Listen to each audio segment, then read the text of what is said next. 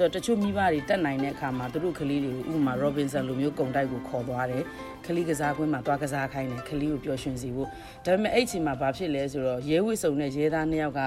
အဲကုံတိုက်ထဲကိုဝင်လာတာကိုတွေ့တာနဲ့ကိုမိဘရောကလေးရောကကြောက်ပြီကြောက်တော့သူတို့ဟိုအဲ့နာလေးကနေပဲထွက်ပြေးရတော့မလို့လို့တခုခုအဲ့လိုမျိုးဖြစ်တယ်တက်ဖို့တယ်ပေါ့ အဲ့မှာပေါင်းတယ်ကိုတဲ့ကိုလိုရွယ်သူတွေပဲတွေ့တော့တယ်သူတို့နဲ့တွေ့ပြီးတော့ပြောလဲဆိုလိုက်ဒီလိုပဲသူတို့အကြောင်းကိုလည်းသိရတော့အော်ငါလည်းသူတို့လိုပါလားဆိုပြီးတော့ကိုကိုလည်းစဉ်းစားပြီးတော့ကိုကိုလည်းကိုပြန်နှစ်သိမ့်မိရတာပေါ့ထိုင်းမြန်မာနယ်စပ်ကကလေးနဲ့တက်ကြီးရွယ်အိုမြန်မာရွှေပြောင်းတွေကိုမဲဆောက်မှာရှိတဲ့အကြောင်းတစ်ခုကတင်းနှန်းတွေလှုပ်ပေးပြီးတော့တစ်ဖက်တစ်လမ်းကနေကူညီပေးနေပါတယ်။အဲ့ဒီမှာရင်ဆိုင်နေရတဲ့စိန်ခေါ်မှုတွေဟာမြန်မာကနေ အိန္ဒိချင်းနိုင်ငံကိုထွက်လာရတဲ့သူတွေကြုံရတဲ့အခက်အခဲတွေကိုမိမောင်းထိုးပြနေပါတယ်။မင်္ဂလာပါရှင်။မြန်မာနိုင်ငံတဝမ်းမှာရှိတဲ့လူခွင့်ရေးနဲ့ပတ်သက်တဲ့အကြောင်းအရာတွေကိုတင်ဆက်ပေးနေတဲ့ဒို့တန်အပတ်စဉ် podcast အစီအစဉ်ကနေကြိုဆိုလိုက်ပါတယ်။ဒီအစီအစဉ်ကို Foundation Heron တဲကတင်ဆက်တာဖြစ်ပါတယ်။ဒီတစ်ပတ်ဆောင်းပါးကိုဒို့တန်ရဲ့အလွတ်တန်းသတင်းတောက်မွန်မွန်ကရေးသားထားပြီးတော့ Frontier မြန်မာရဲ့သတင်းတောက်တွေကဆက်လက်တင်ဆက်ပေးသွားမှာပါ။ ဆောင်းမအတွင်းလုံခြုံရေးအခြေအနေတွေကြောင့်နာမည်တွေကို ပြောင်းလဲအသုံးပြုထားပါတယ်ရှင်။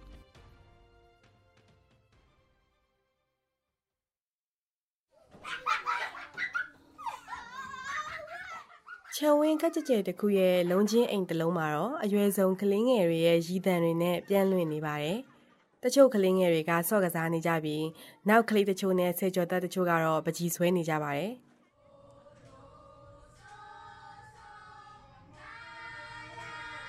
ဒိုရီမီဖာဆိုတဲ့ဂီတတန်တွေလည်းတစ်ချက်ချက်လွင့်ပြန်လာနေပါတယ်။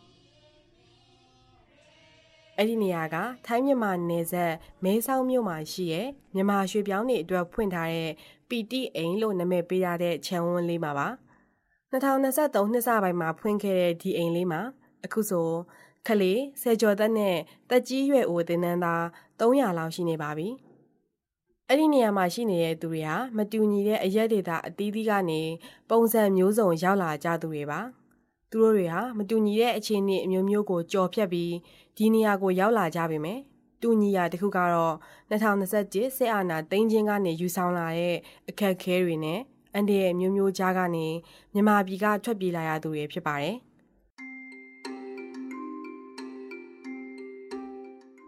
ထိုင်းနိုင်ငံတွေကတရားမဝင်မြန်မာရွှေ့ပြောင်းတွေဟာအလောက်ကအခွင့်အလမ်းမရှိရနဲ့ထိုင်းအာဏာပိုင်တွေဖမ်းဆီးမှကြောက်လို့အပြင်ကိုပုံမှန်ထွက်ပြီးမသွားလာရဲတဲ့အခြေအနေတွေကြောင့်စိတ်ဖိစီးမှုတွေနဲ့စိတ်ခံစားချက်မျိုးစုံရှိကြပါတယ်။ဒါပေမဲ့ခလေးလူငယ်သားမကတက်ကြီးရဲ့အတွက်ပါပကြီးအမှုပညာနဲ့ဂီတသင်တန်း16ခုလောက်ဖွင့်ထားပေးတဲ့ PTA Join House ကတော့သူတို့အတွက်ခိုးလုံရတစ်ခုဖြစ်လာခဲ့ပါတယ်။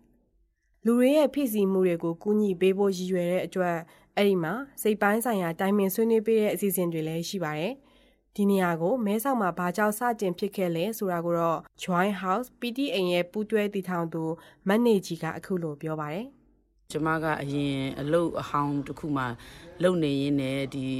အဲအာနာသိန်းဖြစ်စဉ်ပြီးသွားတဲ့နောက်ပိုင်းမှာ အဲအရေးပေါ်ကူညီရေးတွေမှာကိုကိုတိုင်ရောအဖွဲ့အစည်းတွေနဲ့ရောတက်နိုင်သလောက်ပူးပေါင်းပါဝင်ရင်းနဲ့ကျမကိုတိုင်တွေ့ရှိလိုက်တာကကျမလည်းစိတ်သက်တော်တော်ကြတယ်။ဘာကြောင့်လဲဆိုတော့ကူညီရမယ့်လူကများပြီးတော့မှကျမတို့လုံနိုင်တဲ့စွမ်းအားကအရန်နေတယ်။ပြီးတော့လာတဲ့လူတိုင်းကလည်းငွေကြေးအထောက်ပံ့ကိုလိုချင်ကြတာမဟုတ်ဘူး။ငွေကြေးကတော့အရေးကြီးတယ်ဒါပေမဲ့သူတို့ငွေကြေးသွားပေးလိုက်တိုင်းမှာဘာကိုခံစားရလဲဆိုတော့သူတို့ရဲ့ဂုဏ်သိက္ခာကိုထိခိုက်စေတယ်။သူတို့အဓိကလိုချင်တာကဂုံသိက္ခာရှိစွာနဲ့ဒီမှာနေခြင်းနဲ့အလုပ်လုပ်ခြင်းနဲ့တရားဝင်ခွင့်ရေးတွေရရှိစေခြင်းနဲ့ပေါ့နော်ပြောမယ်ဆိုရင်တော့အဲ့ခါမှာအဲအဓိကကငွေကြေးကူညီတာနဲ့မလုံလောက်ဘူးသူတို့ရဲ့စိတ်သက်ပိုင်းဆိုင်ရာအရေးကြီးတယ်ကိုယ့်ရဲ့စိတ်သက်ကြန့်ခိုင်ဖို့အရေးကြီးတယ်ဆိုတာကိုတွေးရှိလာတဲ့အခါမှာအစီအစဉ်မျိုးတွေစီစဉ်နိုင်ရင်သိကောင်းမှာပဲဆိုမှကိုကိုတိုင်းလည်းအရင်ဦးဆုံးစပြီးစဉ်းစားမိတယ်မဲဆောက်ရောက်နေပြီတရားဝင်အထောက်ထားမရှိလို့အပြင်အောင်လွတ်လွတ်လပ်လပ်ထွက်မကစားရတဲ့ကလေးတွေအတွက်လည်း PTA ကကစားဝတ်နေရာတစ်ခုဖြစ်လာပါတယ်။ ဆိုတော့တချို့မိဘတွေတက်နိုင်တဲ့အခါမှာသူတို့ကလေးတွေကိုဥပမာ Robinson လိုမျိုးကုံတိုက်ကိုခေါ်သွားတယ်။ကလေးကစားကွင်းမှာသွားကစားခိုင်းတယ်။ကလေးကိုပျော်ရွှင်စေဖို့ဒါပေမဲ့အဲ့ချိန်မှာဘာဖြစ်လဲဆိုတော့ရဲဝစ်စုံနဲ့ရဲသားနှစ်ယောက်ကအဲကုံတိုက်ထဲကိုဝင်လာတာကိုတွေ့တာနဲ့ကိုမိဘရောကလေးရောကကြောက်ပြီ။ကြောက်တော့သူတို့ဟိုအဲ့နားလေးကနေပဲထွက်ပြေးရတော့မလို့လို့တခုခုအဲ့လိုမျိုးဖြစ်တယ်ခလေးဆိုရင်လည်း အဲသူသူများနိုင်ငံမှာလာနေတဲ့အခါမှာ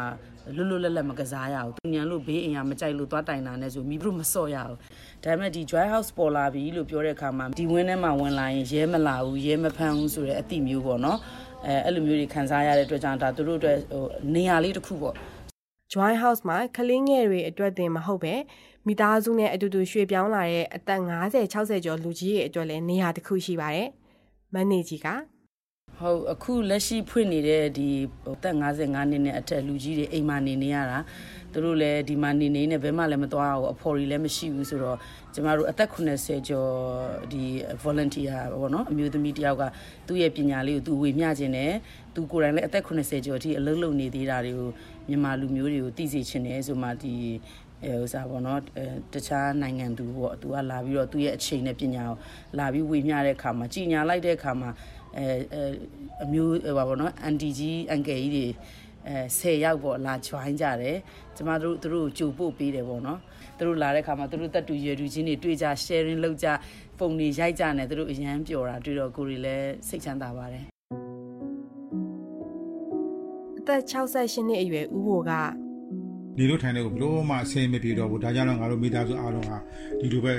အခုလိုထွက်လာရကြတာနောက်တာတော့လည်းဒီမှာကဘာမှလုပ်ဆောင်မှမရှိတာခလေးထိတ်လိုက်ဒီလိုပဲအဆင်ပြေတာဟိုကလောက်တဲ့တရားလုံးဒီလိုပဲနေတယ်ကငါတို့မှအရှိန်ကုန်သွားတာပဲ